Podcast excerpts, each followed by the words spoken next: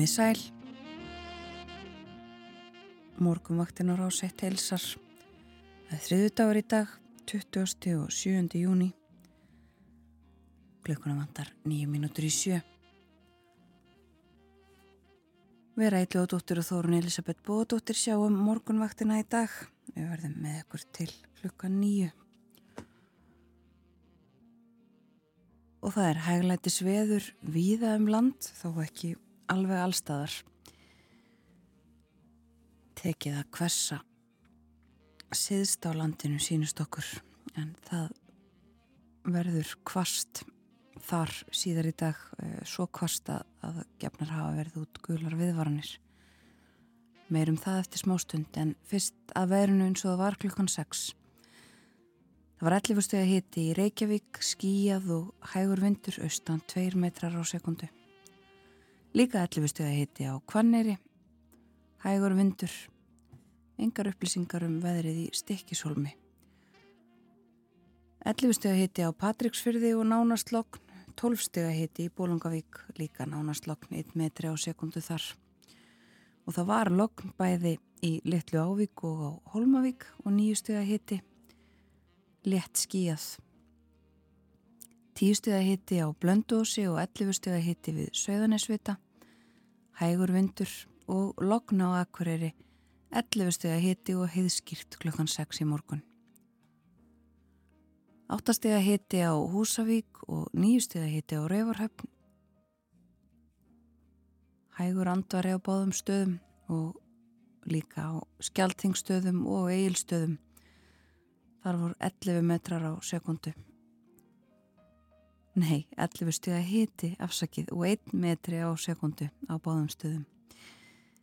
10 stuða hiti á höfni Hortnaferði 7 metrar á sekundu, aðeins kvassara þar orðið og 9 stuða hiti á Kvískerjum.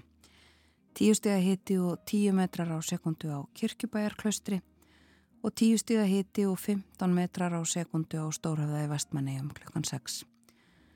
11 stöða hiti í Árnesi og 7 metrar á sekundu og 7, 8 og 9 stöða hiti á Hálendinu. Og þá var spánni. Það er spáð vaksandi norðaustan og austanátt í dag 15 til 23 metrum á sekundu og regningu á suður og suðausturlandi upp úr hádegi en 8 til 13 metrum á sekundu og regningu í öðrum landslutum undir kvöld. Dregur úr vindi og úrkomu suðaustan til sent í kvöld og já rétt að geta þess að það er, eru tvær gular viðvaranir síðar í dag á Suðurlandi, norðaustan 15 til 23 síðst á svæðinu með snörpum vindkviðum. Gul viðvörun tekur gildi þar klukkan 1 og verður í gildi til 8 og á Suðausturlandi á hátegi klukkan 12. Norðaustan kvassviðri eða stormur 15 til 23 metrar á sekundu með snörpum vindkviðum kvassast við Öræfajökul og í Myrdal og vindurinn getur verið vafasamur, varasamur fyrir aukutæki og hættulegur fyrir þau sem eru viðkvæmust fyrir vindi. En á morgun er síðan spáð norðvestlæri átt, 8 til 15 metrum á sekundu, kvassast við suður og vestur ströndina en suðaustan 8 til 13 um landið norðaustanvert viða rigning eða skúrir, hiti á bylnu 10 til 20 stig hlýjast norðanlands í á í dag en Suðaustanlands á morgun. Í hugleðingum veðufræðings segir að öllvaksandi lægð nálgist landið úr suðri og verður hún skamt suðaustur á landinu í nótt og þá um 977 millibör sem er ofinu lágur þrýstingur meða við árstíma. Á morgun færist lægðin norður yfir land og grinnist heldur Þessi lagð er þó ekkert á förum heldur munum ringsóla yfir landinu fram að helgi. Það kvessir með morninum með rykningu um landið suðaustanvert og má búast við kvassviðri eða stormi frá öræfum og vesturundir eigafjöll eftir hádegi í dag. Mun hægar í vindur og lengst af bjart norðan og vestanland sem þyknar upp með rykningu þar í kvöld en þá lægir og dregur úr úrkomu suðaustanlands. Stíf norðvestanátt sunnan og vestan til á landinu á morgun en suðaustlegari vindur austast, rigning eða skúrir í flestum landslutum. Skulum hlust á lag á öruna fréttastofan tekur við með morgunfréttir hægt en bítandi. Tómas R. Einarsson.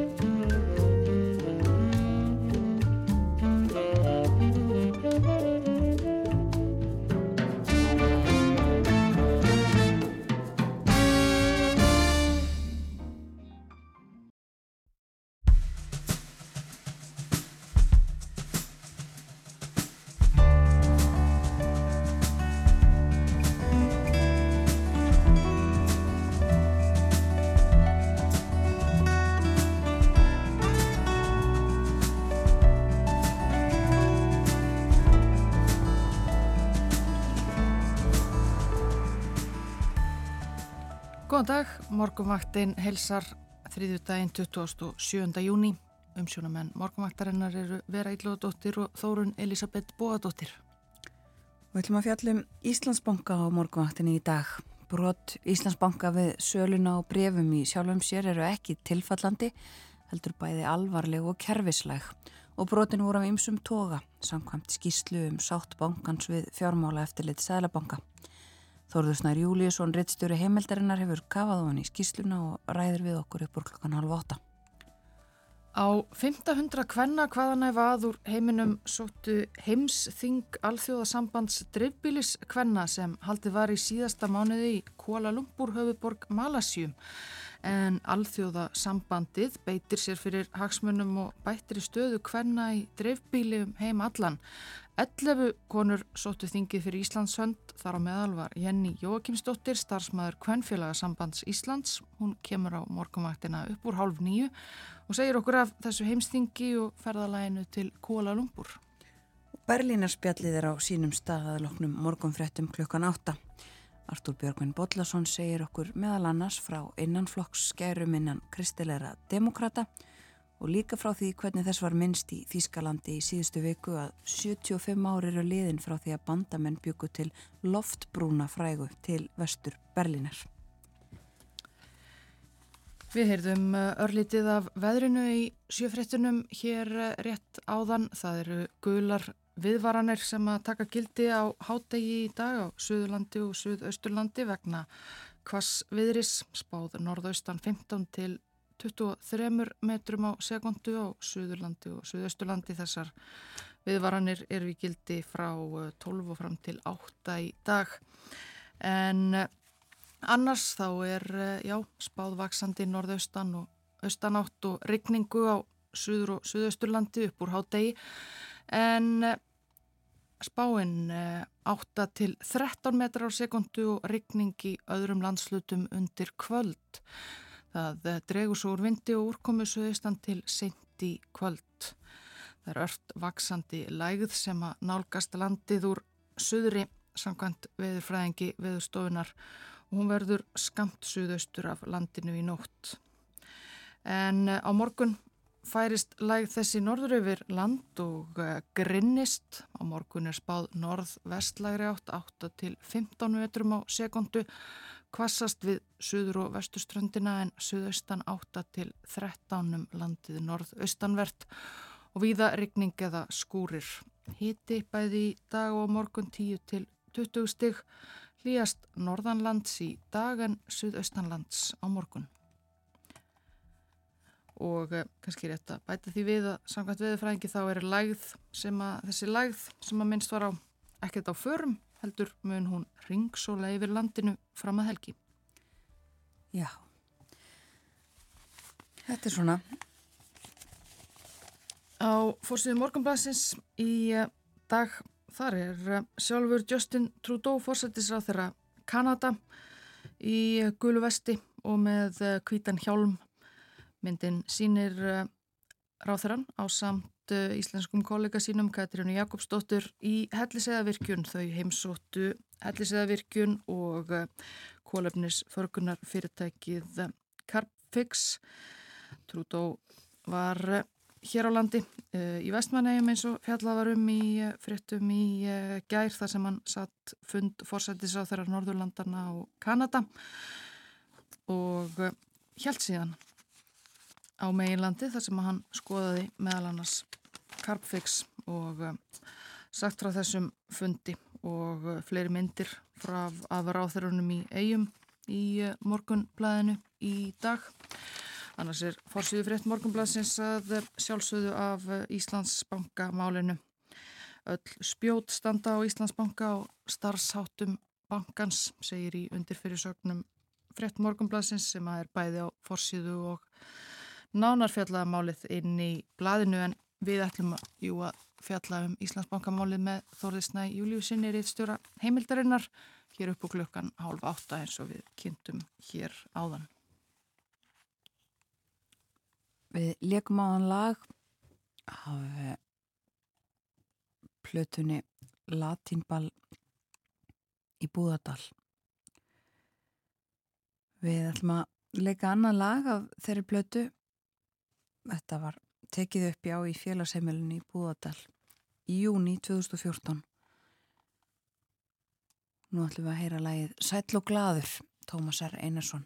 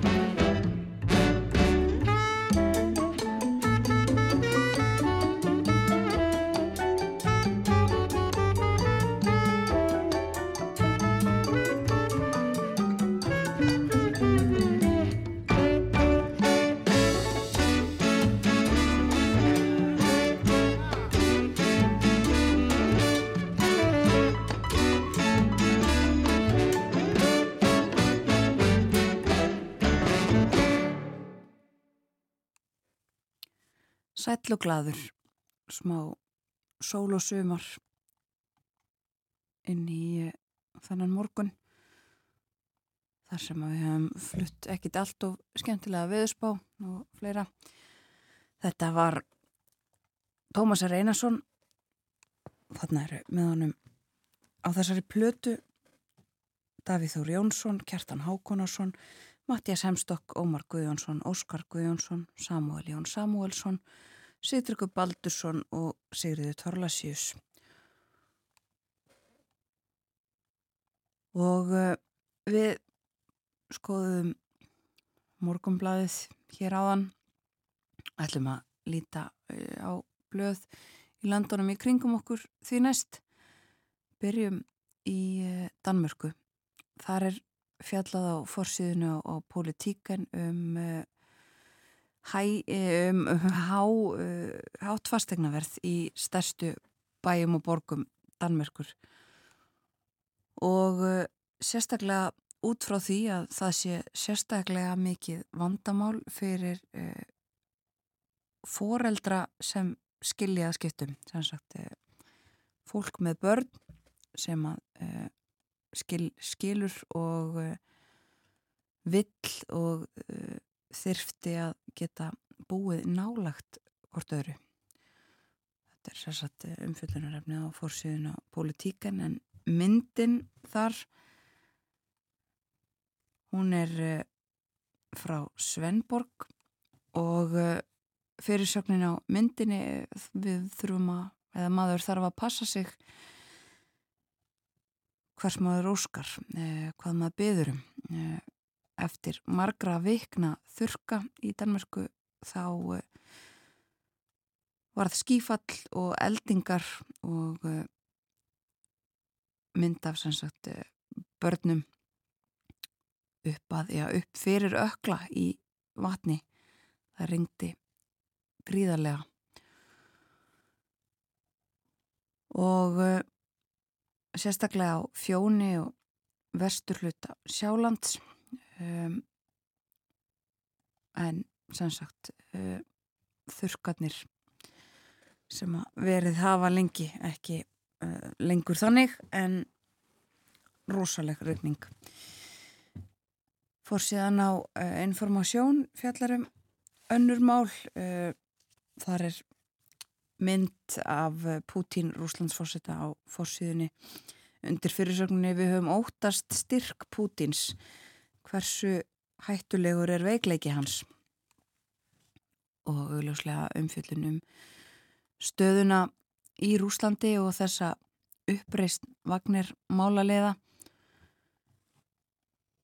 og eh, ég bæði leðtögi vagnarsveitana og eh, fórseti Rúslands hafa tjáð sig nú um, um þessi mál fjallaðum það já fórsíðunni á informasjónin líka víða annar staðar eh, fórsíðunni á, á bæði New York Times og í, í Washington Post í dag. New York Times eh, segir ræðu Pútins hafa verið eh, reyðilestur reyður sínilega í ræðu sinni.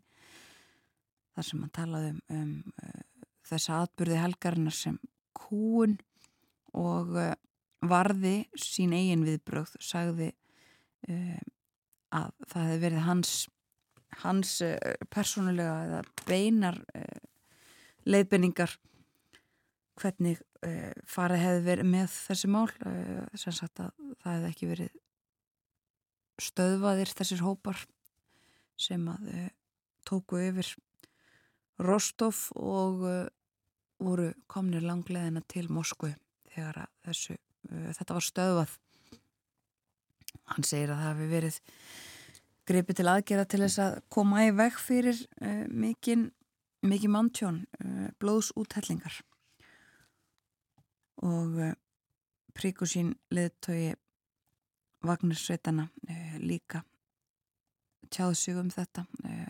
Það hefði ekki verið valdaráns tilraun heldur mótumæli um, mótumæli gegn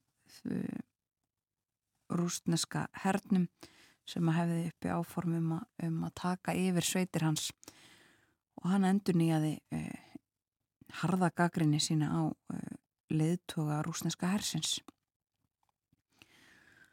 Nú í öðrum fréttum þaðan er svo nefnt að eh, í Úkrænu eftir eh, stípluna sem var sprengt í loft upp með þeim afleðingum að, að það flætti yfir stort svæði og fjölda húsa. Uh, að nú hafi sannsagt uh, flóðið rénað nægilega mikið til þess að fólk geti loksins snúið heim til sín. Fjallaðum þetta í uh, New York Times líka. En fleiri fréttir þaðan það er líka fjallað um þessar kostningar í Greiklandi sem við myndum stáði í gerðmorgun og uh, talaðum það sem að hægt sé að læra eða svona það sem að megi lesa út úr þessum niðurstöðum þeim að íhaldsflokkurinn uh, líðræðisflokkurinn hafi hlotið þennan uh, stórsígur það borgi sig það sé góð pólitík að vera með uh, harða innflytjandastefnu harða stefnu í þeim málum. Kjósendur hafi við virðist hafa uh, tekið vel í þau mál harða uh, afstöðu gagvart þeim málum. Og svo fjallaðum efnagasmál í Greiklandi og að íhaldsflokkar hægri vangurinn er á uppleið í söður hluta Evrópu, segir í einum punktunum, einni fyrirsögninni uh, íhaldsflokkar hafi uh, náð góðum árangri víða. Nú færum okkur frá bandaríkjunum og uh, aftur hingað nær okkur þar áfram fjallaðum þessa, uh, þetta slís í uh, skemmtikarðinum Gröna Lund í Stokkólmi á fórsíðum sænskra blada í dag. Það gæti tekið uh, tíu mánuði að komast til bots í því hvað þarna átti sér stað nákvæmlega en alls konar kenningar á lofti um það hvað þarna gerðist og fjallaðum þau mál í sænskum fjölmiðlum víða. Og uh, breskir fjölmiðlar, uh, breskar fórsýður uh, fjalla margar hverjar um Pútín og hans ræðu líkt og bandarísku fjölmiðlarnir sem við nefndum hér áðan. Það er líka fjallað um það í einhverjum bladana að það sé útlitt fyrir það að sumarið eða júni mánuður verði sá hlýjasti nokkru sinni í Breitlandi um,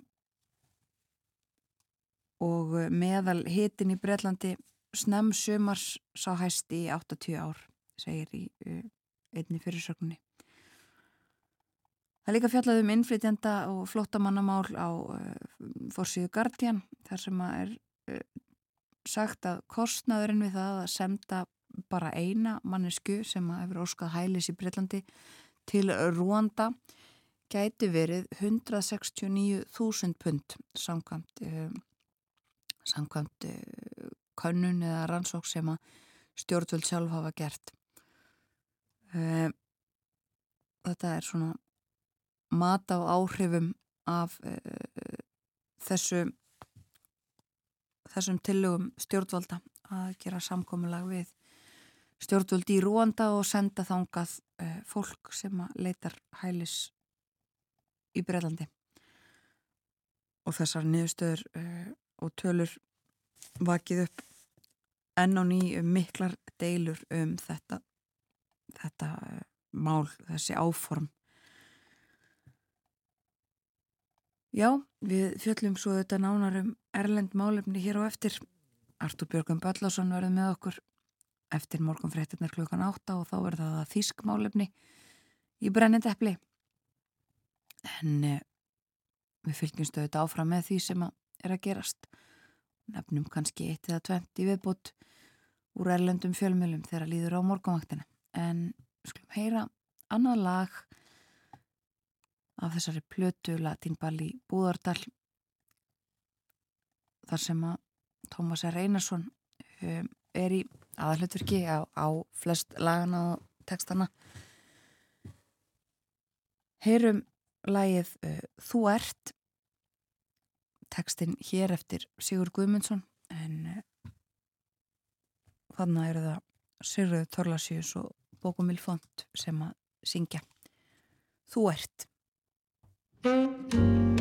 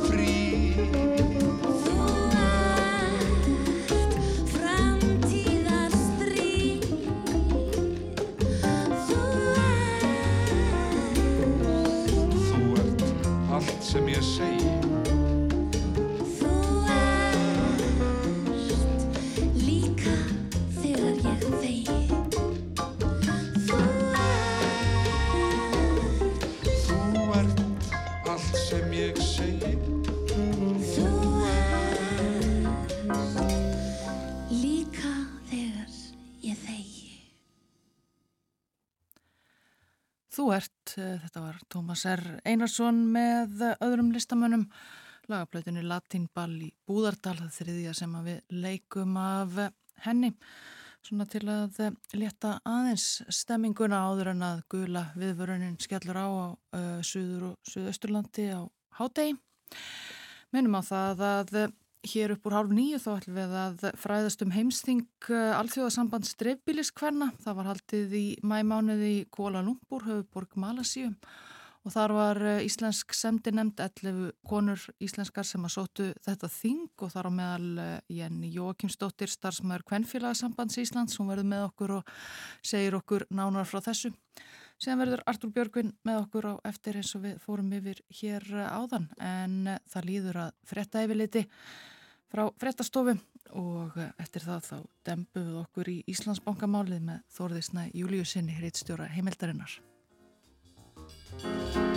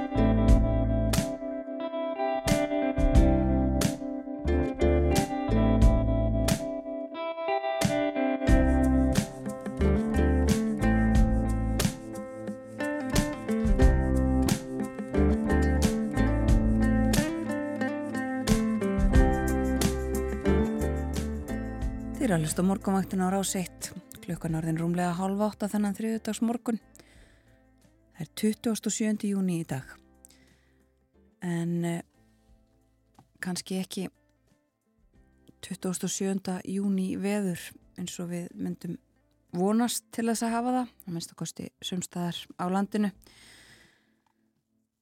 það er eh, lægð sem að nálgast landi úr söðri og verður skamt söðustur á landinu í nótt og eh, færist svo norður yfir land og grinnist heldur á morgun en er ekkert á förum heldur mun ringsóla yfir landinu fram að helgi. Og það er kvassviðri eh, sem að fylgir þessu rigning eða skúris og eh, já, það verður hlýtt fyrir norðan í dag en á Suðausturlandi á morgun. Svo er kólnandi veður í kortunum. Veirum það kannski setna en uh, í gær var byrt skýrsla uh, sátt sem að Íslandsbanki gerði við fjármála eftirlit Sælabankans vegna uh, sölunar á hlut í bankanum í fyrra. Bankin hafi sendt frá sér yfirlýsingu og sagt frá því að hann hefði gert sátt um, fyrir helgi og þessar skýslu eða þessar uh, sáttar verið beðið síðan þá og hún byrtist snemma í gerðmorgun og uh, um fáttana rætt í gerðdag heldur en hana niðurstöður hennar og það er ótt að segja að skýslan sé sört um, sínir margvísleg brot uh, við þessa sölu og þar kemur meðlans fram eins og við nefndum í engangi í morgun að brotin eru ekki tilfallandi heldur bæði alvarleg og kervisleg Þú ætlum að rýna í þessa skýslu og þetta mál allt saman uh, með Þórðusna Júliussoni Rittstjóra heimildarinnar sem er komin á morgunvaktina. Velkomin Þórður. Takk fyrir. Við höfum svo sem rætt þetta uh, margóft áður ymsa uh, ánga þessara sölu og um, þegar ríkisendurskoðun skilaði sínu og nú uh, fjármála eftirlit Sælabankans. Íslandsbanki tilkynnti það í gerðkvöldi að, að uh, bankin harmaði brot sín og, og ætlar að verða við því að búa til hluthafafundar á næstu dögum. En uh, byrjum kannski bara á því að það var mörgum uh, og fólki tíðrætt um í gær uh, tröst og það er auðvitað kannski eitthvað sem hefur verið svona svolítið þema í kringum fjármálakerfið allt frá því eftir hrun tröst á fjármálakerfinu sem hefur verið lítið og, og, og hefur verið reynd að byggja upp. Þetta eru flestir samálu um að, að býði tölverðan ekki með þessari skýslu. Já, þessari skýslu og þessu máli. Og, margt annað í þessu ferli. Þegar nú var þetta ríkistjórn, þeirra flokka sem setja við ríkistjórnabólið núna var myndið 2017, það var ákveðið að Uh, svona ráðast í ákveðna tröstæfingu þetta átti að tryggja stöðuleika í stjórnmálum og, og, og svo átti að, að auka tröst og ímsa stopnarnir samfélagsins með því að, með, á, á baki þess stöðuleika og, og miðpunktur þeirra tröstæfingar var að skipa starfsóp til þess að finna kvítbókum um, um endur skiplatningu fjármálakerfisins. Og uh, sá hópur skilaði af sér í desember 2018 og Uh, þar var megin línan svo að, að, að það var langt í það að almenningur hefði traust á fjármálakerfunu með að við kannanir sem voru gerðar uh, við uh, vinslu kvítbókarinnar mm.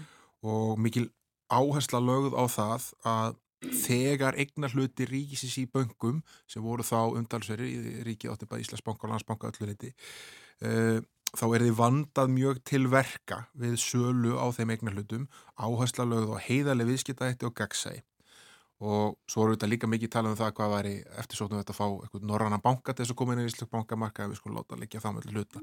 Sá á hefur einhvern veginn aldrei verið til staðar. Nei. en uh, á sagt í einu kaplanum heilbritt eignarhaldi mikil að fósettum að bankakeri haldist tröstum langa framtíð í því fælst að eigundu bankasjöu tröstir hafi umfangsmikla reynslu og þekking á starfsemi banka og fjárrakslega burði til þess að standa á bakvið bankan þegar á móti blæs mikilvægt er að eigundur hafi langtíma sjóna með að leðaljósi. Þetta var niðurstaða kvítbókarinnar og á grunni kvítbókarinnar er ákveðið að fara að selja Íslandsbónga. Fyrst er 35% hlutur seldur í, í, í almennu útbúði 2021 sem að mörguleiti uh, tókst á vel að náðist hérna, mjög breið þáttaka en það bánki seldur langt undir, undir uh, svona markasviði sínu. Og Og, og, og, og það var hægt að leysa út um 60% skyndi hagnað til tölulega hratt með því að taka þátt í útbúinu. Þetta var flestu með lágmakskunnáttu á fjármálamörkuðum og hlutabröðamörkuðum til tölulega augljóst en það hefur við séð fjölda hlut hafa Íslandsbanka, já, hann hefur mingað verulega frá því að þetta útbúð átt sér stað uh, og Svona veist, svartu blettur á þessu ferli var að koma erlendra fjárfæstingasjóða sem komu inn og fóru strax aftur út. Já. Tóku snúning, Einmitt. grættu bara á hækkunni og hérna voru sannlega ekki þessi langtíma fjárfæstar sem var að hérna var verið að leitað. Og þá komuð að uh, grundvöldi þessarar sáttar sem fjármáleftilitið hefur gert í Íslandsbanka og það er næsta skrifið sem var tekið í mars 2022 og, og þarna voru mennurinn að sjánaði með sig, brættir, Bankasíslan sem er þryggjamána, eða var þá þryggjamána stofnun með þryggjamána stjórn uh, hafði ákveðið að það er best að notast við svo kallega tilbóðsleið til þess að losum stóran hluti í Íslandsbanka. Og þetta er svona stóra stráka leið uh, í, í, í útlenskum bankaheimi uh, og þá átt að draga borðinu fagfjárfesta, þeir fengu einir að kaupa í, í bankanum en, hérna, en, en, en almenningur sem var ekki með nægilega mikla þekkingu á fjármálamörkuðum, uh, hann var undanskilin mm -hmm. uh, og til þess að fá að taka þátt þá þurftur að uppfylla skilir í laga um að vera flokkaður sem svo kallar fagfjörstir og þá þarf þetta annarkot að eiga ákveði magna af eignum uh, þú þarf að hérna, vera búin að stunda ákveði magna af viðskiptum yfir ákveðin tíma og þetta eru þrjú skilir sem þarf að uppfylla Já.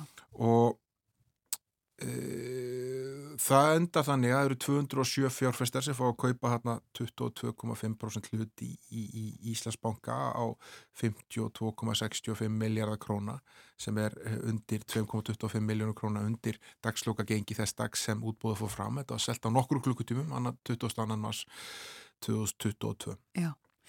Og það var, manni það ekki rétt að það var líka þá strax einhver umræðu um sko að það, það var ekki eins og uh, öllum fagfjárfestum hefði verið bóðið að vera með. Það var líka uh, umræða um það, það var valið þarna.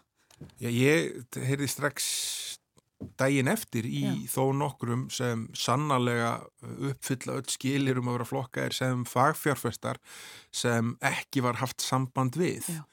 Uh, fólk sem uh, hefur verið með þannig virkni, uh, reynslu eða á það mikið af peningum að það uppfyllir tvö af þessum þremur skilurum sem snúa að virkni, reynslu og það hvað átt mikið af peningum mm. til þess að flokkar sem slíkir og hafa hloti flokkun sem slíkir uh, fagfjörustar uh, en var ekki haft samband við. Uh, og það ringdi strax bjöllum um það að þarna væri kannski eitthvað skrítið á ferð og þessi gaggrinni kom fram nánast samstundis að það þurfti nú að liggja fyrir hverjir það voru sem kiftu, það voru þetta uh, bara tortrygni eðlileg, tortrygni gagvart því hvernig staðið að svona hlutum og að láti svo uh, til að byrja með bara ekki á henni ágjur að staðið fárunlega vel aðeins, þetta er ótrúlega vel hefnu sala. Eh, hér eru við bara komin á, á, á, á fljúandi ferð inn í, inn í tröst himnaríkið. Eh, engar ágjur af, af þessu að hafa.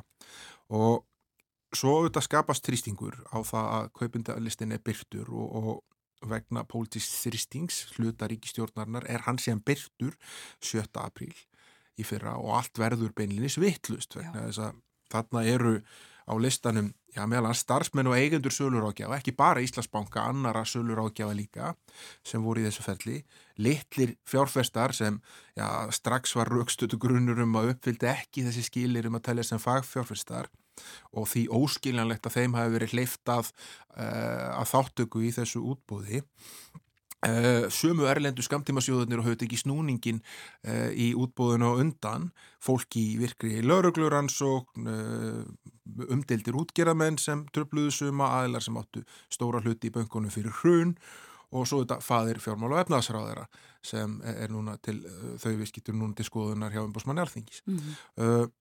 og það er kallað eftir rannsóknar nefnd og það er svona einhvern veginn uh, því er ítt frá vegna þess að uh, málið fyrst sendi ríkisendur skoðunar sem skilaði síðan skýslu uh, í nóvember og svo skýslaður Kolsvört, sínir að Bankasíslan uh, var fullkóla vanhæftið að taka það verkefni sem hún tók stáfið í mars í fyrra uh, og að Eh, fjármála efnaráðundið og bankasíslan hefði þurft að undibúa betur alla skipulega upplýsingagjöf til þingnemda og almennings eh, varðandi þetta allt saman. Þetta var alveg bara eh, svona misvísandi skilabóð sem voru sendt út um það hvernig ferlið er því og, og svo frammeins og heilt yfir bara hefði það mótt standa miklu betur að frangat og undibúning sulunar en ríkisendurskoðun eru þetta uh, er auðvitað hérna stopnun sem er fyrst og síðast að, að, að að skoða svona stjórnsýslu stofnana og, og kemur með leiðbynningar um úrbætur en er ekki eitthvað svona rannsóknar hemd mm -hmm. uh, eh, eins og hefur alltaf leiði fyrir í lögum um ríkisendum og hún tekur ekki afstöð til pólitskra ábyrðar eða annars líkt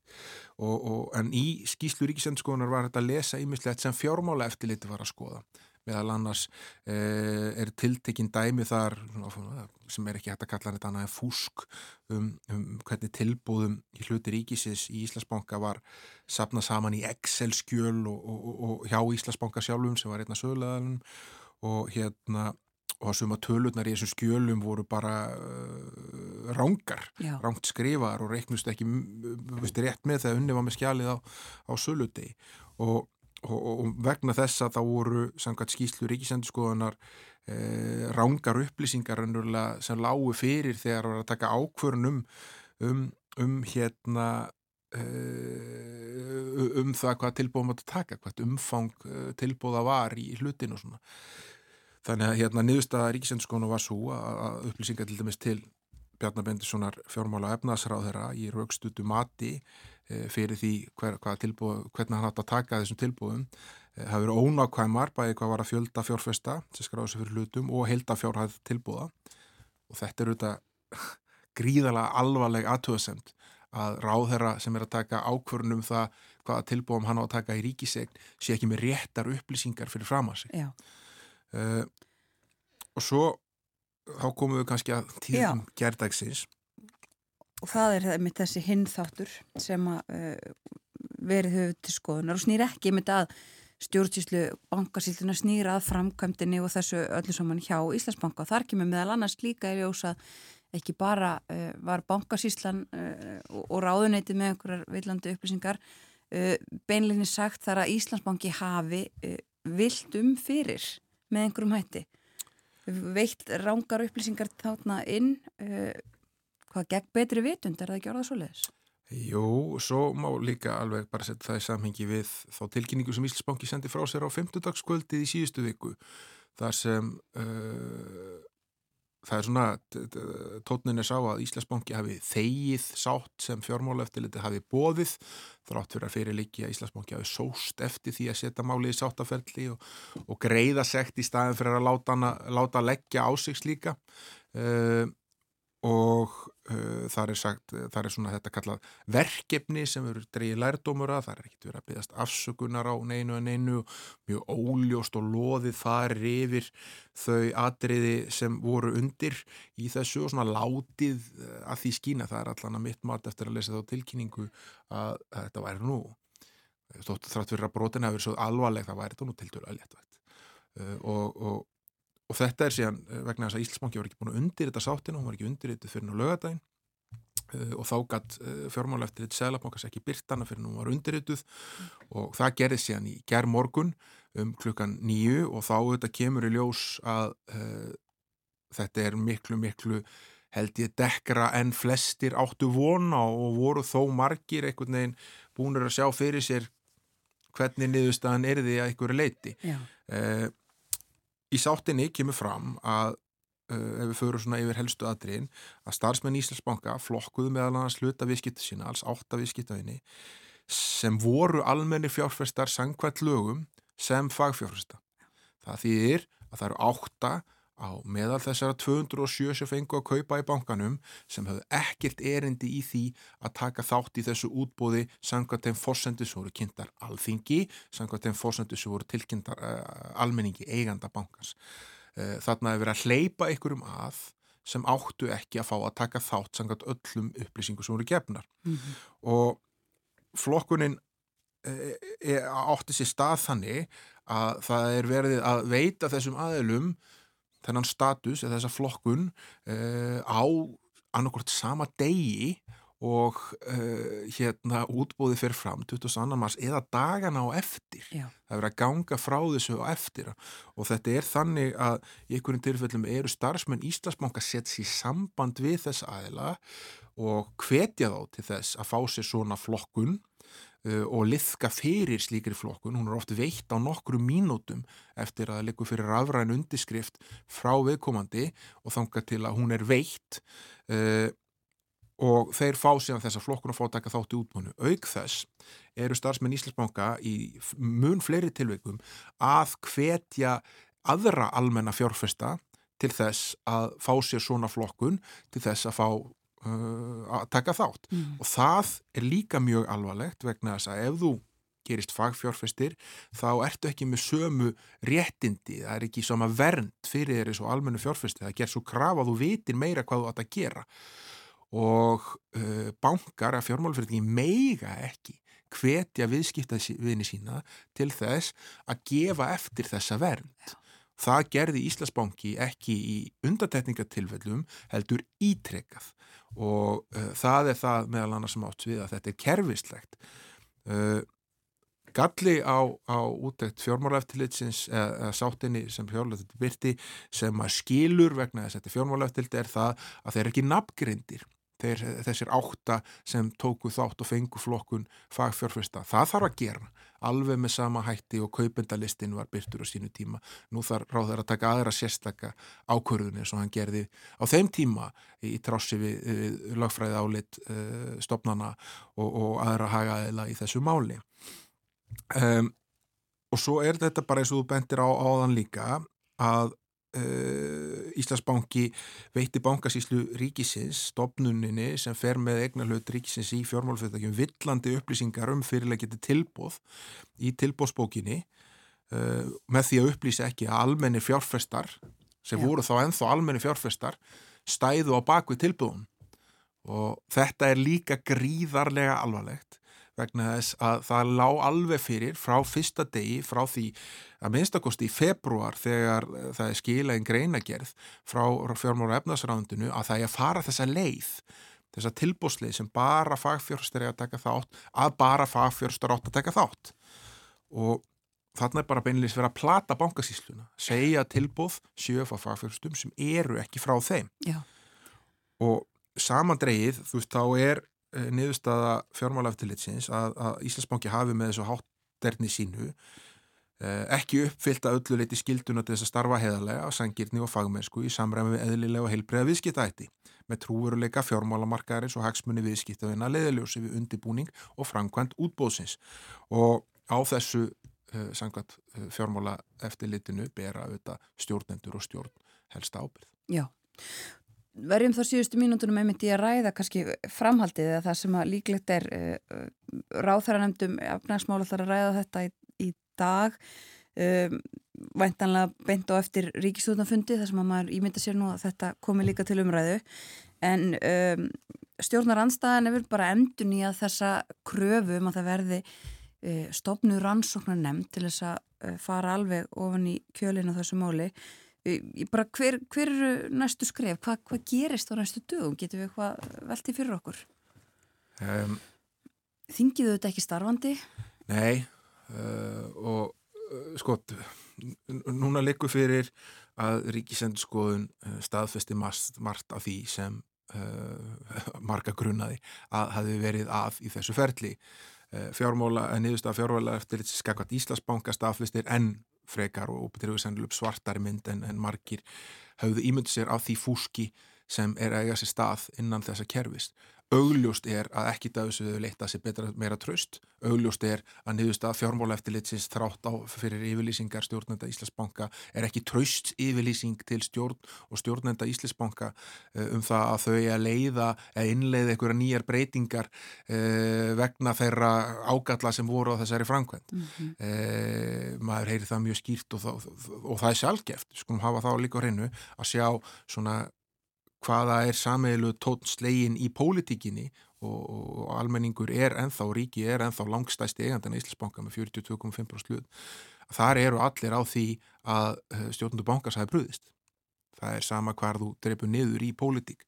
Svo er stjórnaranstæðan á því að hér vanti enþá pólitíska ábyrð á, á, á framkvæmdini og stjórnin líka eins og þessi samkvæmsleikur fer alltaf eh, ekki að sjá þá pólitísku ábyrð. Eh, þannig að hérna, það sem við sjáum gerast í dag, það er ríkstjórnafundur Mm -hmm. núna í dag og svo uh, þar verður þetta vantarlega tekið fyrir og svo strax fundur í ráðherranemndum um, um efnaðsmála endur skipilöfningu fjármálakerfisins sem ísitja Bjarni Bendisson, Katrin Jakobsdóttir og, Lili Alfredsdóttir og þar verður vantarlega þetta mál til umfjöllunar og ekki útilokaða út úr því komi uh, að mista kosti eitthvað skýr skilaboð um, um um það hva, hvernig e, ríkistjórnin vilji að verði brúðist við þessu. Mm. E, að öðru leiti þá er sá leikur sem stjórn og stjórnendur Íslandsbanka er að leika er það að búa til hlutafundar sem verður búa til ykkur tíman á næstu dögum og mun þá fara fram ykkur tíman í júli svona, er svona ef, ef, ef, ef millir fjögur og fimm á förstu degi er, er, er bermúta þrýðningur e, vikunar þá er júli bermúta mán, þrýðningar mánuður ásins það sem fréttir fara til að deyja Mm. e, þannig að ég ætla ekki að segja að það sé skipulagt en þannig er það e, þannig að hérna það er greinilega þeirra von að þetta mun ekki hafa neinar afleðingar fyrir stjórn og stjórnendur ef þau ná fram að þeim fundi að þá sé hægt að tegja þetta áfram og veist, annaðis hefur gerst sko. E, hérna þegar stór mál hafa komið upp í íslensku samfélagi. En alvarlegast á endanum er það að, að, hérna, að, að tilraun eða, eða ferli sem var lagt á stað með því að, að, fara að vinna kvítbókum með endurskipningu fjármálakerfisins að ebla og endur nýja tröst á fjármálakerfi það er að mista eitthvað sem stendur fullkomlega ónýtt því að það tröst er ekki til staða þegar svona er ombyrðað. Nei, einmitt það. Og ekki útlætt fyrir að það verði stíðin einhver frekar skref við sölu banka á næstunni með þetta. Já, það voru nú Eh, svona, það eru ekki alveg uh, sömu skilabóð sem að sé þar Bjarni Benediktsson sagði að hann vildi halda áfram með því að selja með að selja bankan með, með heyrist uh, fóstusráðara og aðri ráðara ekki vera þar. Og, hérna, og þá verður líka að brúa gat vegna þess að það gert ráð fyrir sölu á Íslandsbanka frekar sölu á Íslandsbanka á þessu ári fyrir já, 820 miljardar króna í fjárlugum þannig að hérna, þá þarf að finna þá penningekstunastar Alveg rétt. Og já, eh, eins og við fórum yfir áðan þá líka umbósmaður alþingis en með uh, sinn hluta málsins til skoðunar. Komist ekki lengra, kæra þakki fyrir í dag Þorðusnær Júliusson.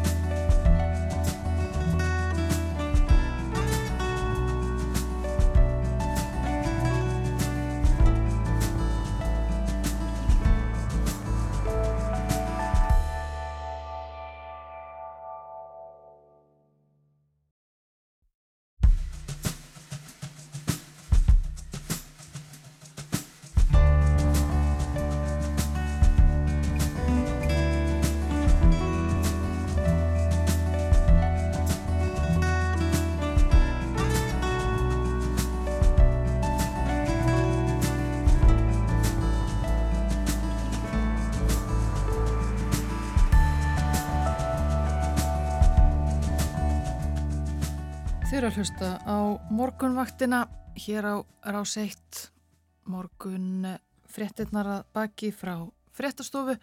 Klukkanar orðin eh, tæpar 6 minútur yfir 8 þennan þriðjúdagsmorgun það er 27. júni Og hér fyrir fréttinnar var hjá okkur Þorðusnar Júliusson rittstjóri heimildarinnar. Við fórum yfir þessa skýslu um sátt uh, Íslandsbanka við fjármála eftirlit Sælabankans Bankin borgar tæflega 1,2 miljardar í sekt og eh, brotin fjölmörg ekki tilfallandi heldur alvarleg og kervisleg samkvæmt niðurstöðu fjármála eftir eitt selabankans og uh, það kemur líka fram að framkvæmdini var áfátt í flestum skrefum útbóðsins og fólið sér viðtæk og alvarleg brot málsæðila á skildum samkvæmt lögum.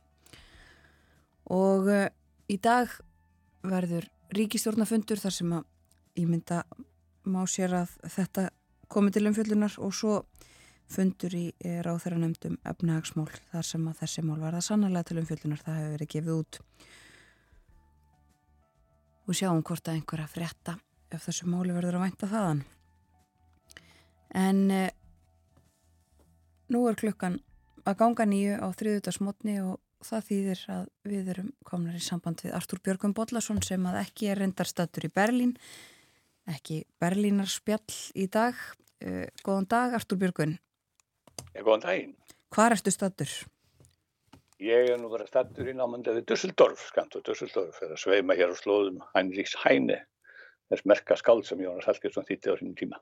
Emmitt Og við ætlum að, svo sem ekki ræða það en uh, við ætlum að tala um pólitíkina og við ætlum að tala um ímislegt uh, fleira. Byrjum í, í pólitíkinni. Það eru hvað, uh, tvö ár til kostninga í Þýskalandi en, en það er uh, nógum að vera. Já, það eru rúm tvö ár til næstu þýngkostninga en samt sem aður þá er nú komin upp tölurverður órói og daldi sérkennilegu rígur í flokki kristilegar og demokrata sem að er stærsti stjórnmálaflokkur Þýskanans og nú í stjórnmálanstöðu. Til skamstíma ríkti nefnilega einhugur um að Frídík Merz eh, sem að er formadarflokksins, hann var í sjálfkjörin sem kanslara efni kristilega árið 2025 í næstu þingkostningum eh, og venjulega nú ekki verið að ræða kanslara efni þegar rúmar rúm tvö árið til kostinga en undanfarnar vikur og mánuði hefur hins vegar orðið vart við svona tölverðan kurr í floknum og ymsir hafa ekki getað dölið þá skoðun sína að kannski sé nú Frídrík Merz ekki rétti maðurinn í þetta hlutverk. Og uh, það eru æfleiri sem að hallast að því að, að annar maður, uh, Henrik Wust uh, sem er fórsettisáðra fylgisins Norður Rínar Vestfalju eins og Norðan Vestfalin hefur verið þitt á íslensku sem er fjálmjörnasta fylgi í Þýskalandi að Wust sé ja, ja, líkleri til þess að laða fólk til fylgis við þennan stóra flokk og þar benda menn til dæmis á að að Merz hafi alls ekki tekist að skapa flokknum uh, ímynd sem að kjósendur og hægri vang stjórnmálana getur hrifist af. Og, og þannig þess að nú skemst að minnast að þegar Fridrik Merz tók við forminski flokknum í áspyrjun 2020, 2020 þá leta þau bóð út ganga að hann myndi sjá til þess að aukaflokkurinn AFT eða Alternatífi fyrir Deutschland sem hefur verið að sækja í þessi verið síðustu misserni hér í Skanandi hann myndi nú aldrei missa helmingina því fylgi sem hann hefði haft til þessa því að vera mert svo er komin við stjórnvölinn og, það er óætt að segja að þessi dígubarki hefur nú ekki alveg skilað árangur því að þetta eh, móti hefur fylgi þessa auka sinnaða hægriflokks alternatífu fyrir Dórsland sem á nefnaður undir eftirliti þýskara öryggisíðuvalda og þykir hreinlega óg við líraði í landinu Fylgi hefur sífælt verið að aukast eh, eftir að Merz eh, var að formaða kristilera og nú er svo komið að í sömum fylgjum í östur hér um Þískanans þá er þið alternatífið fyrir Dörsland stærsti flokkurinn að það veri kosið núna. Og uh, þó að Frídrík Merz gellu þetta skuldina á, á, á tætingin og söndurlindið í ríkistjóð Þískanans þá eru það margir sem taka þeim rökkum og þeim aðtöðar, þeirri aðtöðar sem er fyrirvaraðið Vissulega þá, þá stiðja margir kjósendur uh, alternatífi fyrir Deutschland uh, vegna þess að þeir eru óanæðið með, með stjórn landsins. Það hefur komið í ljós í konunum að, að það er tölur óanæðið ríkjandi með ríkistjórnuna og, og, og, og þess vegna fara þessi óanæðið aðkvæðin vikið þángaðin.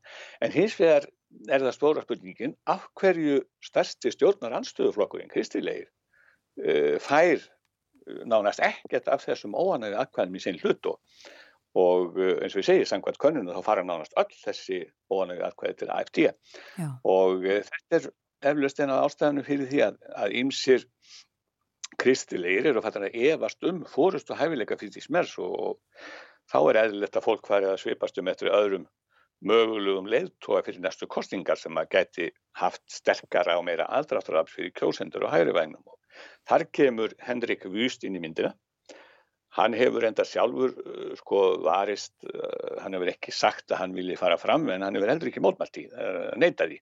Hann spurður á dögunum í viðtali, hefur þú hugað að bjóðu fransinn kanslarefni í næstu kostningum, hann sagði ég hef ekkert verið að spá í það. En þetta er ekki í stjórnmálinn því þetta er náttúrulega auðvitað allir að gera það. En eh, hann hefur verið að senda Frídís Merz félagið sinn tónin svona endrum og sunnu bæði beint og óbeint til dæmis með því að að vera svona að lofa og prísa fyrirverandi kanslaraflokksins, Angelu Merkel, uh, veitti henni æðstu heiðus orðu fylgisins um daginn til dæmis, en uh, hún er náttúrulega, hún og Fríðrik Merz elduðu mjög lengi grátt silfur og eru allt annað en vinnir og, og uh, þó að menn vísuðu þetta öllum aldurs fordómum á Bögsson í orðu hvernu, þá hafa margir í að því að Vust sem er 20 orðum yngri en Merz hann höfði að þeim sökum svona meira til yngri kjósenda. Og svo er hann líka mun frjálslindari uh, heldur en Merz uh, Merz er miklu hardari svona harlínumæður til hæri og það verður þess vegna svona spennandi að fylgjast með því hvernig þessari þessu pólitíska hanaati í flokki kristillara reyðir af á á næstu missurum Já. Já, og það eru, menn eru farin að skoða það að það eru einhverjar fylgilskostningar framöndan er það ekki? Það eru tvennar kostningar framöndur árun og auðvitað uh, bæði Hessun og Bæralandi og auðvitað er, sko, Markus Sutter er náttúrulega frambóðið í Bæralandi. Mm. Eh, hann var nú helst í keppun merts og hann er eiginlega úr leik því hann hefur fylgt í fangum með það að halda völdum þar Já. í sínu fylgi en eh, svo er það Fesser innaríkjasára sem býður svo fram fyrir jafnaðamenn í, í Hessun og auðvitað eru kristilegir í þessum fylgjum ekkert kátir yfir því að menn sé að rýfart á, á toppnum í flokknum meðan þeir þurfa að einbytta sér því að, að fá sem mest fylgi þessum umrættu fylgjum þannig að þetta vekur þessi, þessi ríkur vekur svona takmarkaða hrifningu og breyttar af flórsmanna sérstaklega þessum sem við fylgjum En, en uh, förum úr pólitíkinni og aftur í tíman. Það var, voru söguleg tímamót sem að minnst var í síðustu viku. Já, það var, voru heldur betur söguleg tímamót. Það var þess minnst að það voru 75 ár liðin frá því að svo kvöldu loftbrú til Berlínar var sett í gang og það var árið 27. það var 27. júni árið 1948 sem að þessi fræga loftbrú hófst og þetta var einn umfánsmesta aðgerð af þessu tægi, flutninga aðgerð þessu tægi sögunni og ef ég reyndi þetta aðeins upp þá var ástæðans að e, til þess að, við erum að tala um Þískarland í stíðslokk þar sem að því er skipt á milli annars vegar Sovjetríkjana og hins vegar bandamanna sem að Sovjetríkina eins og við er herrnámur sem satt Östu Þískaland og bandamenn Vestu Þískalands en e, það var mikil kurr í mönnum þarna og mikil rimma í gangi og og uh, vestur, sem að bandamenn ákváða að taka upp þýskt mark sem gældmiðl í vesturhluta landsins og uh, það var á sínu hernámsvæði og þetta fór fyrir brjóstið á Stalin og hann ákvaða að banna alla fluttninga á matvælum og öðru nöðsinu til vesturbelnina þar að segja bæði, bæði að bara, hann lokaði fyrir alla játbjörnsamgöngur og hann lokaði fyrir alla bílvegi þannig að Vesturbelin var náttúrulega inn í miðju Östu-Þískalandi og er enn og það sé ekki lengur sama aðstæður. Og, og þetta var sko, við þessu brugðus bandamenn uh, hann ætlaði bara sennilega að, að svelta Vesturbelin að búa í hel í bóstælunmerkingu eða uh, sjarma svo leiðis að þeim að, að bandamenn fjallu frá því að halda Östurbelin og, og, og heipiðu svíburstu og menn hafa nú sagt að þetta sé einhver ríkalegasta Uh, og vittlusasti reikningur allar tíma sem þarna áttur sér stað því að Stalin hafði ekki verið mikill reiknarmeistar í þessu dæmi en hvað sem því líður þá byrjuðu sem bröðu bandamenn við því uh, að þannig að þeir frá júni 1948 og alveg frem í mæ 1949 meðan þessi óskup stóðu yfir að þá fóru þeir að fljúa með nöðsynir til Berlínar. Og það var eina leiðin, það var að koma uh, vörum og varningi og lífsnöðsynu til íbúa, þessar 2 miljóna íbúa Vesturbellinar, flugleiðina. Og Þeir flugu samtals tæflega 270.000 flugferðir á þessu tímabili og uh, samkvæmt tölum að þá þeir hafa um 2,1 miljónir tonna af varningi til belginar loftleðina á þessum tíma. Og uh, það var að vera að minna þetta og þetta var sem sagt þeir flugu frá uh, þessum varningi frá flugullum bandamanna í Frankfurt og Wiesbaden og lendur sem sagt með varningin á flugveldunum í Tempelhof í Berlin og sko þegar að mest var það var svona 90, 90 sekundna bil á milli flugvelana og lendingana í Tempelhof. Þetta var bara stöður strömmur því það þurfti náttúrulega ekki til þess að, að, að, að sko fæða og klæða eh, heila 2 miljónum manna sem voru þarna innilokkaðar. Og, og þetta eru sagt, eh, mestu svona flutningar af þessu tægi sem umgetur í sögunni. Og það má kannski nefna líka að Eh, sko, í, á þessum árum er náttúrulega Berlín einu rúkandi rúst eins og vendar stærstur Ískalands, það er náttúrulega allt í, allt í niður nýslu eftir stríðið og, og það borgirnar eru, eru eins og segir rúkandi rústir og, og mjög erfitt um öll aðfengi í Berlín.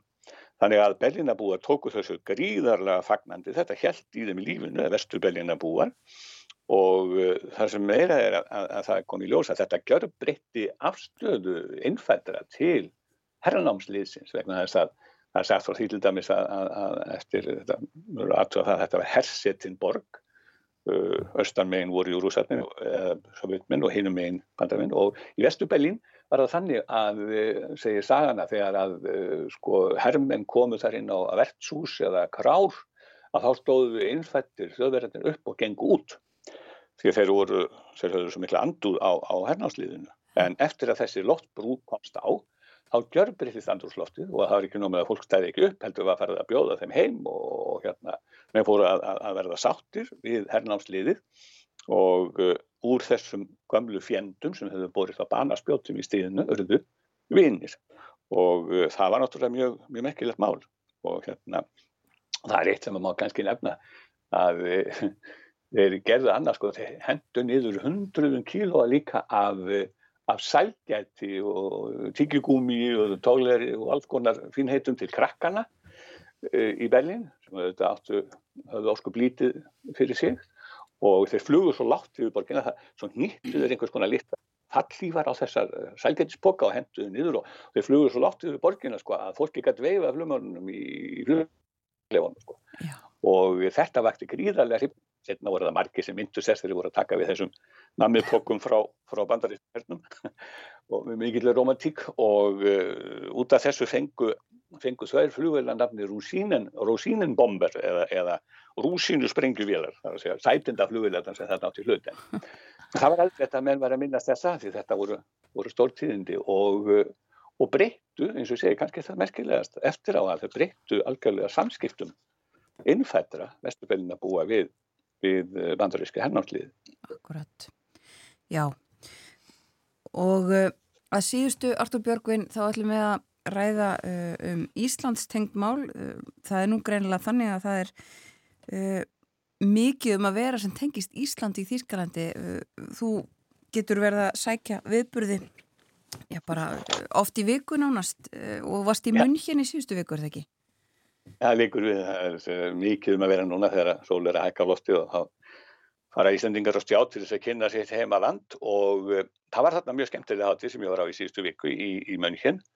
Uh, A Taste of Iceland heitir hún og hefur nú verið haldur endar víða í bandaríkjónum einkanlega en er svona farin að færa sig við til, til um, Evrópu og þetta er svona eins og, eins og heitið segir A Taste of Iceland, þetta er svona þess að veitamörnum smjörþefin af Íslandi svolítið og þarna var á veitingastanum Verkjaland Herna sem er í í hjarta höfuborgar Bæralands var í nokkað að haldi upp, var búið upp á frábærin íslenska mat, það er stór líður í þessu, þetta er náttúrulega, menn átt að bragða á íslensku mat líka. Og þar var íslensku mestarakokkur sem heitir Jakob Tsari og Baldvinsson sem að galdraði upp á fotónum frábæra íslenska sælkerrarétti sem að þorskurinn og skýri var auðvitað að hlutviki en svo fengu gestur að hátíðin líka sínir svona íslengu tónlist með, með, með trúbadurnum Axel Flóvent og og þeir ágættu þryggjamanna sveit uh, Sækamór Tví konan Ágústa Eva er í fylkingarbrjósti. Og uh, svo gætu fenguður fekk fólk kost á að kynna stafverðum bláalánsins og íslenska hestinum og fleira.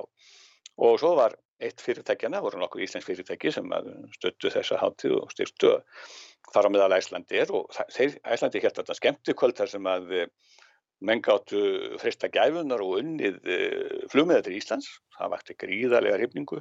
Þarna var snúið stóru lukkuhjóli og stemningin alveg svakalega mikil og, og nokkurir voru glæðir og fóru heim með, með flugmiða til Íslands. Og síðast en ekki síst þá var svo uh, okkar ákveðta fórsýstafrú Elís Rít uh, mætt á staðin til þess að, ja, að kynna bókmentir og Mér langaði nú til að forvittnast um hvað nákvæmlega hún ætlaði sér í kynna svo ég bara króaði hann af út í hodni og, og hann kannski rétt bara að heyra hvað, hvað hún sagði mér uh, þarna í þessu stuttarspjall okkar. Ég skulum hlusta á það. Segð mér, þú ert að fara að kynna hérna bókmyndir á förstu daginn í München og hvað er það sem allar að kynna fyrir þjóðurum? Ég ætla aðeins að tala um bókmyndaarfið okkar Íslandingar hér. Uh, Reykjavík eru við það bókmyndaborg UNESCO, reynda svo fyrsta borg sem er ekki með enska sem móðumál en til dæmis er Heidelberg núna í þessa bókmyndaborg fjölskyldu. En ég ætla aðeins að tala um þessa virðingu sem við berum ennþá fyrir rituvundar og bækur og skrift, tala aðeins um jólabókaflóðinu, íslenska sögurnar, krimmusögurnar, alveg, þetta er ekkert svona sögu þess en bara smá kynningu um íslenska bókmyndamenningu af því að mér finnst þegar maður býr annar staðar eða erlendis hvað er betra leið til að kynna landinu heldur en að lesa bók sem er þaðan En uh, svo varstu sjálf að skrifa bók sem ég skilst að sé að koma út í er það rétt? Já, ég skrifaði bók fyrir kannski einn og halvt ár sem heitir Sprakkar sem er gamalt íslensk orð sem þýður kvennskurungur og, um, og bókinn kemur út núna á Þísku í, uh, í september. Og það, þar talaði ég með um það bíl 40 íslensku konur um hvernig þetta er að vera kona í, í gæsulappi heimsins besta land fyrir konur. En, en svo líka smá mín saga sem konur veljendur um upprunin sem það verður ekki alveg í plannaði að vera fórstafrú Íslands. Þetta er svo mikið heiður og gaman það smá af þennan saga líka en eh, þetta, þessi viðburði hér, Taste of Iceland, eh, hann er náttúrulega ekki svo fyrsti heldur hefur hann verið haldinn í, mér skilst að þú hefur nú fyllt honum eftir í mörgum borgum í Pandaríkjanum og Kanada og síðan í Berlín og hér náttúrulega í München. Hvaða þýðingu heldur að svona viðburður hafi fyrir samskipti ríkja eins og Íslands og Þískarlands? Mér finnst þetta svo áhugavert fyrir fólk sem býr annar staðar að einmitt að fá taste of Iceland, svona aðeins bara smá kynning um Íslandi, tónlist, menninga, list, hönnun, bókmentir, uh, bíólífinu og, og sjálfsagt matur sem er hér og drikkir, við erum með svona koktailkvöld og íslenska lamb og, og, og svo framáttu gödunum, af því að þó viljum að sjálfsækla því að fólk kemur til Íslands og upplýfa það sjálf, það er líka svo skemmtilegt að vera bara heima hjá sér, kynna nokkru Íslandingur, læra aðeins um, um menningu og þetta er alltaf mjög skemmtilega og gefandi viðbyrður. Elisa Rít Já, þetta var svolítið skemmtilegt og, hérna, og uh, það er einmitt mjög svona, þetta hún er náttúrulega sjálf eins og við veitum litingur og, og þess vegna hlusta nú, ég tók eftir því þegar hún opnaði hafðiðina að fólk hlusta mjög grænt vegna þess að hún auðvitað horfið svolítið á Ísland frá þeirri sjónarhóttinu heldur en við innfætt á eiginni, þannig að það er svona oft meiri sann hljómur við fólk sem að kemur sem að hefur flutt til Íslands og það getur auðvitað að svara líka öðrum spurningum og annars konar spurningum heldur en þeir sem alltaf hafa búið á, á landinu. En þetta er svona, hún myndist þetta líka á lambakjöti, ég var nú ekki að fara mjög ítallega í sömarna á þessum matseðu þarna því að það er nú svolítið óholt svona snemma á mólan að vera að ræða svona svakalega mikið mat. En þetta er svona mála að það verður að segja sem svo er að, að ég satt þarna eina lilla lambakjötsvislu og, og það var alveg ótrúlegt hvað fólk var hrifið að þessari þessari dýrindi svæðu okkar, kannski ekki skrítið því að það var meðan haldið því fram að lampið sé nú það besta sem til er í heiminum og, og þegar að ég segi þetta við þýska vinni mín og kunninga þá segja hvaða dígu barki er þetta með óðalegu rempingur í ég, ég býðið nú við, ég er með 370.000 mann sem geta staðfest þetta þannig að gerir það eru betur. Akkurat, við komumst ekki lengra með þetta þessa vikuna, kærar það ekki fyrir spjallið Ertu Björgum Bóllarsson Takk sem við þess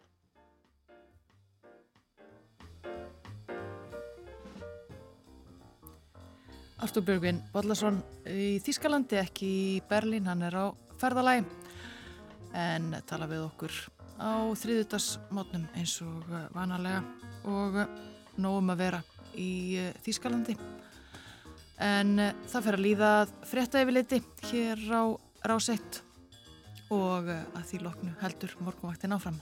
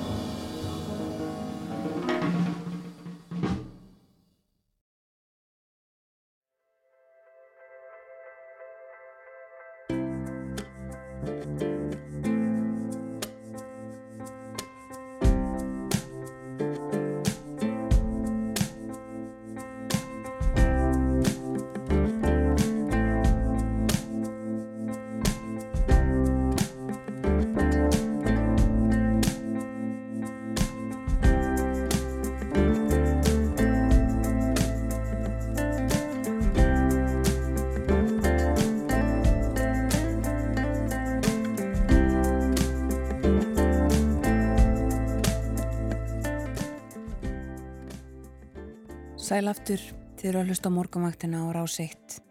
Klukkan var þinn liðlega hálf nýju þennan þriðudags morgun. Það er 27. júni í dag. Við höfum rætt ímislegt það sem aðveri morgni. Rættum við Þórsna Júliusson, reittstjóra heimildarinnar, snemma í morgun um skýsluna, sáttina sem að Íslandsbanki gerði við um, fjármála eftir liðt Sæðalabankans fórum yfir uh, þau mál og fleiri eða fleira þessu tengt uh, og réttum meðal annars um kvítbók sem að ríkistjórnin uh, reðst í að láta gera kvítbók um framtíðar sín fyrir fjármálakerfið. Þar sem að byggja átti á trösti og kom meðal annars fram að það þá árið 2018 þyrti margt að gerast til að það næðist. Og verði sem svo að flestir sem að uh, tjáðu sig hafa um þessi mál síu á, á því að þetta hafi ekki verið til þess fallið að bæta tröst Lárus Blöndal formaður uh, stjórnar bankasíslinar meðal annars í fréttunum hjá okkur á Rúfi Gær sem sagði að það væri kannski það alvarlegasta í þessu öllu saman að tröstið á fjármálakerfinu og eh, bankakerfinu sé laskað eftir uh, þessa skýslu og þessa niðurstöðu. En uh, eins og við hefum nefnt fyrir morgun þá er ríkistjórnafundur og svo beint í kjálfarið uh, munu Lili Alfreðsdóttir, Bjarni Berndiðsson og Katrín Jakobsdóttir funda um þetta mál. Það er ráþæra nefndum efnahagsmál sem að kemur saman búist í því að það sé beint á eftir þessum ríkistjórnafundi sem að hefst innan tíðar en svo var Artur Björgum Bóllarsson með okkur réttum þýsk málefni venju samkvæmt á þriðuta smotni. Artur saði okkur meðal annars frá, uh, frá kurr í röðum kristilera demokrata. Erur ekki alveg vissir um uh, leiðtóðan sinn, kanslara efnið. Artur rætti líka við okkur um það að þess hefur verið minnst síðustu daga að 75 áru eru liðin frá því að uh, ráðist var í loftbrú til vestur Berlínar eftir að, uh, eftir að uh, henni var lokað og leiðum út úr borginni. Mikið fjallaðum þau mál núna. En síðustu mínútur morgunvaktarinnar í dag verðum við á öðrum slóðum. Já, í mæ 17. til 2005. mæ síðastliðin var haldið heimsþing alþjóða samtaka drifbílis kvenna og þetta heims þing fór fram í Kuala Lumpur í Malasíu. Það sóttu á 500 manns, líklega mestmægnis konur og þar á meðal var 11 manna sendi nefnt frá eh, Íslandi undir merkjum Kvenfélagsambands Íslands og eh, með atkvæði Kvenfélagsambandsins á þingi þessu fór Jenny Jókimsdóttir starfsmæður Kvenfélagsambandsins. Hún sóti þingið og er eh, komin hinga á morgunvaktina. Vertu velkomin Jenny. Já, takk fyrir það. Takk kærlega. Já, ég held að það megi fullir það að eh, já, Já, þetta alþjóða samband dreifbílis hvenna sé kannski ekki á uh, allra vörum. Hvað er þetta nákvæmlega? Eh, þetta er þess að samtök út um allan heim, þetta eru um 10 miljónir hvenna í 8-10 löndum. Þetta eru um, held ég, um 450 félög sagt, út um allan heim. 10 miljón konur, 80 lönd og það var þarna konur sem sagt frá á þessu þingi voru konur bara hérna frá allstæðar áur heiminum. Og að gera hvað? Það eru, er halda þing á þryggjárafresti og það eru þarna bara að tala málefni dreifbíliskvenna, hvað er, hvaða er sem að virkilega þarf að gera til að aðstofa þær og þetta er náttúrulega mikið aðstof svona í þróunalöndunum, í fátækararíkjum þannig að það verður að hugsa um konur sem eru, það er oft sagt að sagt, konur verða oft sagt, eftir og sérstaklega konur í dreifbíli. Þannig að það er það sem þær eru virkilega að vinna að. Og þið farið þarna undir merkjum Kvenfélagsambands uh, uh, Íslands. Eru þetta þá uh, aðalega þá Kvenfélagskonur sem, sem að standa að þessum uh, samtökum og sækja þingið? Já, þetta er sett bara svona eins og bara típisk Kvenfélag eins og hérna á Íslandi sko. Við erum, við erum náttúrulega hérna á Íslandi erum flest kvennfélag, einar kvennfélagsambansins er út á landi. Þannig að þetta er alveg passar okkur mjög vel í raunni og þekkjast kvennfélag þá bara um, um heimallana að svona að svipuðu, að svipuðu formi? Já, það eru nefnilega ótrúlega mikið að vinna að því, að því sama, svona að stiðja sitt samfélag þar sem þær eru. En svo eru þar í þessum samtökum líka þar sem þær eru svolítið að vinna saman En það lítur að vera svona, já, dreifbíliskonur, það eru margar, uh, margar áskoranir, það, það lítur að vera ansi stór munur á því að vera dreifbíliskona á, á, á Íslandi og uh, já, í Malasíu eða í, í þróunarlandi í Suðri. Já, við erum náttúrulega hérna á Íslandi, náttúrulega algjör forrættandi að lifa hér sko, með það sem er heyrðið hérna úti. Þannig að þeir eru voru að segja frá því að það er ekki nóg að byggja stort og flott sjúgrás og ég kannski tengi það svolítið kannski við okkur hérna á Íslandi sko, ég gæt vel tengt við það sko, vegna þess að konur þurfa að komast líka á sjúgrási og það er sögurnar um það bara þegar konur er að fæða börn og þurfa að fara langa veg. Og þeim er rauninni bara blæðir út þarna á leðinni sko. Þannig að það þarf að koma fæðingahjálpinni til þeirra það sem þær eru það er til dæmis eitt af verkefnunum sem er það er sérst verið að fjalla um sérst hilsu kvenna. Og það er áskorunir eru nákvæmlega þarfinnar eru nákvæmlega sama hvað sem við búum. Og um, já, síðan er vantarlega það talað um það hérna að á fleiri áherslar á þinginu hafi verið þetta mentun hvenna Já, það er sem sagt hérna líka það að konir í dreifbili eru oft langt fyrir það að fara eða skólanir er í einhverjum hérna, einhverjum bæjum og þá er það er oft dreifiðar þannig að það þarf að koma mentuninni til þeirra virkilega. Og það er eitt af verkefnunum sem er svona áherslun á næstu þrjú árin. Það er sem sagt mentun og heilsa hvenna virkilega koma aðstöðinu til þeirra þar sem það eru. Og er, eru allþjóðarsambandin með svona uh, einhver konkrétt verkefni í gangi í þessum efnum þá? Já, það er sem sagt hérna, það er, þeir hafa verið bara fjöldan allavega svona mörgum litlum verkefnum. Til dæmis, hvern félagarsamband hefur tekið þátt í að hérna kaupa geitur fyrir konur og hjálpa þeim að hérna við hérna öflun vats og fleira.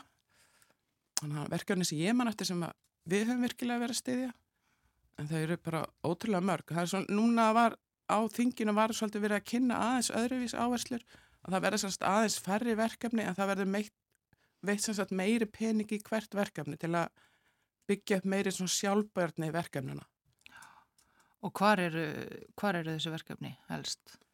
Það er náttúrulega mikið í Afriku, í Asju, í hérna Indlandi, uh, Mongóliu, ég veit að það eru verkefni í, í Rúmeníu sem er að stiða við, þannig að þau eru reynin svolítið út um allt sko.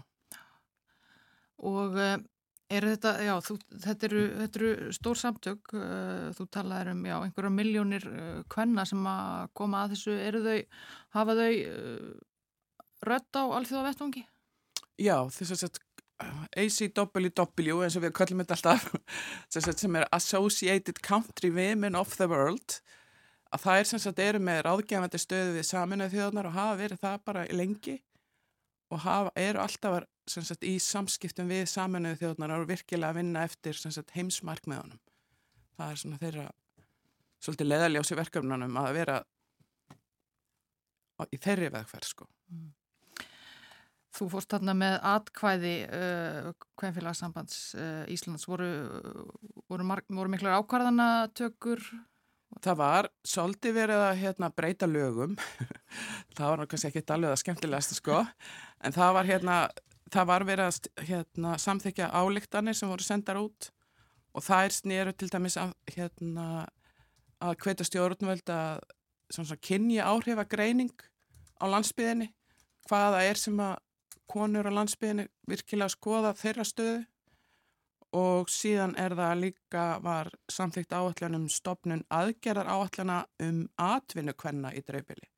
Það er sagt, að menta þær og veita um vinnu og það, það var líka mjög mikið verið að tala um sagt, hérna, mikið áhersla á því að konur virkilega sagt, hafi rétt á því að eiga land og að yrkja landið.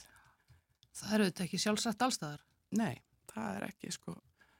Þa, það er yfirleitt þær sem að, það er yfirleitt konunnar sem sjá um svo mikið en svo eru kannski kallarnir sem að fá að eiga allt sko. Það lítur að vera, já, hvernig er það þegar að koma saman dreifbílis konur svona víða að en það er eiga samt margt sammeilegt og það er komur ólíkum heimslutum? Já, þetta var bara ótrúlega upplöfin að fara þarna til Malasíð sko. Þetta var náttúrulega rosalega stór hópur hvenna.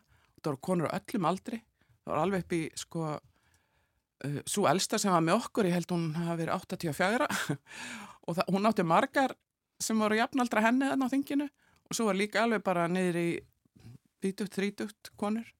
Þannig að þetta var stór hópur og það er einhvern veginn, það er einhvern veginn þannig að það þegar konur koma saman þá sést alveg bara að við erum, við erum ægilega allar eins, það skiptir ekki máli hvað við komum þetta var alveg ótrúlega skemmtilegur hópur Einmitt, eh, já, segð okkur aðeins bara frá þessari ferð. Þetta þingar haldið á mismunandi eh, stöðum held ég í hvert sinn núna í Kuala Lumpur í uh, Malasíu og ég er svona aðeins rendi yfir uh, myndir sem að byrtar hafa verið af, af þessari ferð og um, já, þetta hefur verið æfintýri. Já, þetta var eiginlega svolítið magnað sko. Það var náttúrulega hérna drottningin hérna í Malasíu hún var svona geskjafið þarna, hún hefur sem sagt verið að starfa mikið með samtökunum í bara fjöldumörg ár og hérna og það var sem sagt hann árið 2019 var hún allt í norðun drottning hérna og þetta er þannig í Malasi er þetta þannig að mjög merkilegt að það er skiptast sem sagt á, það er hérna einhverjir nýju konungdæmi hérna í Malasi og þau skiptast á fimm ára fresti að vera konungur og drottning og hún tók við hérna 2019 og þá þurfti hún að hætta við draga tilbaka, hún hafði alltaf sér að verða heimsvósiti þessara samtaka. Mm. Þannig að hún laði mikla áherslu á það að bjóða okkur mjög mikið velkomnar. Bauði okkur hérna í konusöllina og það var alveg bara ótrúlega magna, þetta er alveg rís og stór höll sko. Og hérna mikið flott skemmtiðadrið og við vorum hérna mikið svona, þetta er náttúrulega muslimskt land Þannig að það voru svona mikla reglur um hvernig maður mátti vera. Við máttum ekki verið í gullu og ekki í kvítu og það eru litar, litir hérna konungstæmisins hérna og þegar við vorum að fara hérna á þingi sko vorum við í sex rútum og það var sko lögreglufyllt í kringum í, í gegnum alla hérna kúla á lumpur. Þannig að þetta var, já þetta var svona mik mikil hérna, okkur fannst við vera miklar VIP sko. Og fóru, fóru, fóru allar konundar á þinginu bara í beinustu leiði konungsöllina? Já, við mættum hérna allar 450 í risa stóran sal og hérna, og þetta var mikið, já þetta var, þetta, ég, maður hefur bara aldrei lengt í öðru eins sko. Þetta var mjög magna. Og, og vendarlega eh, einhver dagskrá í, í, kringum, í kringum þetta þingu önnur en, en fundarstörf? Já, þau lögðu mikla áherslu á því að það voru skemmtanir á hverja einasta kvöldi svona verið að kynna fyrir okkur, það var malasíst kvöld, það var kínvest kvöld og það var indvest kvöld og það er þessi þrjú þjó, þjóðabrót sem eru svona staðst hérna í Malasíu þannig að það var virkilega svona lagt upp úr því að kynna menningu Malasíu fyrir okkur. Og verður þið heitlaðar á landi og þjóð? Já, ég verð nú eiginlega að segja það sko, við reyndar vorum búin að fá svolítið leið á matnum. En hérna það var svolítið mikið að sami matinn. En hérna þetta var ótrúlega flott allt einhvern veginn saman. Borgin Kúla Lumpur bara kom mikið óvart. Rosalega græn og falli borg Þetta er stór, stór og mikil borg. Já, hún dreifist yfir mjög stórt svæði. Það er bara endalust grætt gróður. Þetta er náttúrulega eitt stærsta eitt stærsti rekskóur í Asju er þarna í Malsi og það, maður sá það alveg hann í borginni hvað þetta var. Þannig að ég hefði mæli með því að kíkja þarna sko. Og vi, vitið hvar alheimsþingið verður, verður heimsþingið haldið, haldið næst? Já, það, komið, það verður í Ottawa í hérna, Kanada eftir þrjú ár. Hvem félagsambandið hefur ekki tuga á að fá hersinguna hingað? Þetta er svolítið stór beitt fyrir okkur sko. Það er aldrei að vita. Ha, ég veit að lang, þeim langar allir að koma til Ísland sko. Þannig að það var verið að reyna að fá okkur til að halda Evrópuþing, en við sjáum til með það. Við hefum haldið einu sinni. Einmitt það. Þú ert, já, þú ert eh, starfsmæður Kvennfélagsambands Íslands og hefur verið í, í, í nokkur ár. Hvað er það svona sem að Kvennfélagsambandið eh, fæst við? Við erum náttúrulega mikið til í því að bara þjónusta Kvennfélagin. Kvennfélagin eru náttúrulega út um all land og við erum svolítið í því að já, erum þjónusta þau í því sem þau eru að gera. Og svo náttúrulega erum við náttúrulega með alls konar verkefni við erum náttúrulega með leiðbendingastu heimilana. Hún er enþá opinn og svo gefum við út blað húsfræðina og við hérna hefum gert það í rúm 70 ár. Þannig að verkefnin eru, ég get alveg sagt ykkur að þau eru endalus Veistu hvað eru mörg, hvem fylg starfandi? Já, þau eru um 144 núna, semst innan Kvænfélagsambands Íslands. Og veistu hvað, er, hvað ætli, það séu margar konur? Þetta er um 4500. Og það þá meiri hluta uh, dreifbiliskonur? Já, meiri hlutin er í dreifbili. Og það var einmitt hérna á þinginu sko voru konur frá Suðurlandi, frá Borganesi og svo nokkur á Reykjavík og þetta var ekki alveg á besta tíma vegna að það var söðburður í gangi. Þannig að konurnar úr svolítið út dreifbilinu þar er eiginlega komið sér líka með okkur. Þannig að við þurfum, nú er að verkefni okkar sem fórum virkilega að koma í áfram til þeirra hvaða var í gangi þannig í Malasíu. Einmitt það, það verið ekki verið hugsað út í söðburðin í, eh, í Malasíu þegar Nei, þau voru greinlega ekki spáðið það. settar, settar niður Já. því miður og, og væntalega sömu sög að segja í, í þá fleiri löndum, ímislegt sem að þarf að vera að gera á þessum ástíma eh, hérna, konurnar sem að um allt sjá. Já, það var greinilegt á því að sko í Ástralíu er það hérna það var greinilega ekki, þar, þar voru flestar frá Ástralíu og vorum hundra konur frá Ástralíu. Og það er náttúrulega mjög dreifðar sko þannig að þannig með Ástralíu þannig að þetta var virkilega gaman að sjá hvað þær voru margar og að við kynst, já, alls konar, alls konar lífstíl uh, og, og samfélagum dreiflis hvenna geti ímynda mér. Já, virkilega og það var, það var svolítið markmið okkar þarna að kynnast samtökunum. Ég hef sjálf aldrei farið á svona heimsting og hérna virkilega kynna samtökunum og líka að ná okkur svona í svolítið tengslanlegt. Það er mikið virði fyrir okkar hvemfélagskonur að vera í svona stóru neti sko. Og hafið hugað því þá að láta kannski meira, jável meira til ykkar taka á alþjóða vettvangi svona í, í þessu alþjóða starfi? Já, við erum alveg ákvæmnari því að við ætlum að fá miklu stærri hóp með okkur til Ottawa í Kanada eftir þrjú ár. Kannski aðeins eh, stittra að fara og verður vonandi þá ekki á, á söðburðar tíma. Það Nei, það, það verður einhvern tíman í april, skild mér. Einmitt það, uh, mjög forvindilegt að heyra þessu alþjóða þing uh, samt alþjóða sambands uh, dreifbílis Kvenna í Kuala Lumpur í mæ núna. Jenny Jókinsdóttir, starfsmæður Kvenfélag sambands Íslands, þakka þér kærlega fyrir komin á morgunvættina. Takk fyrir að fá mig.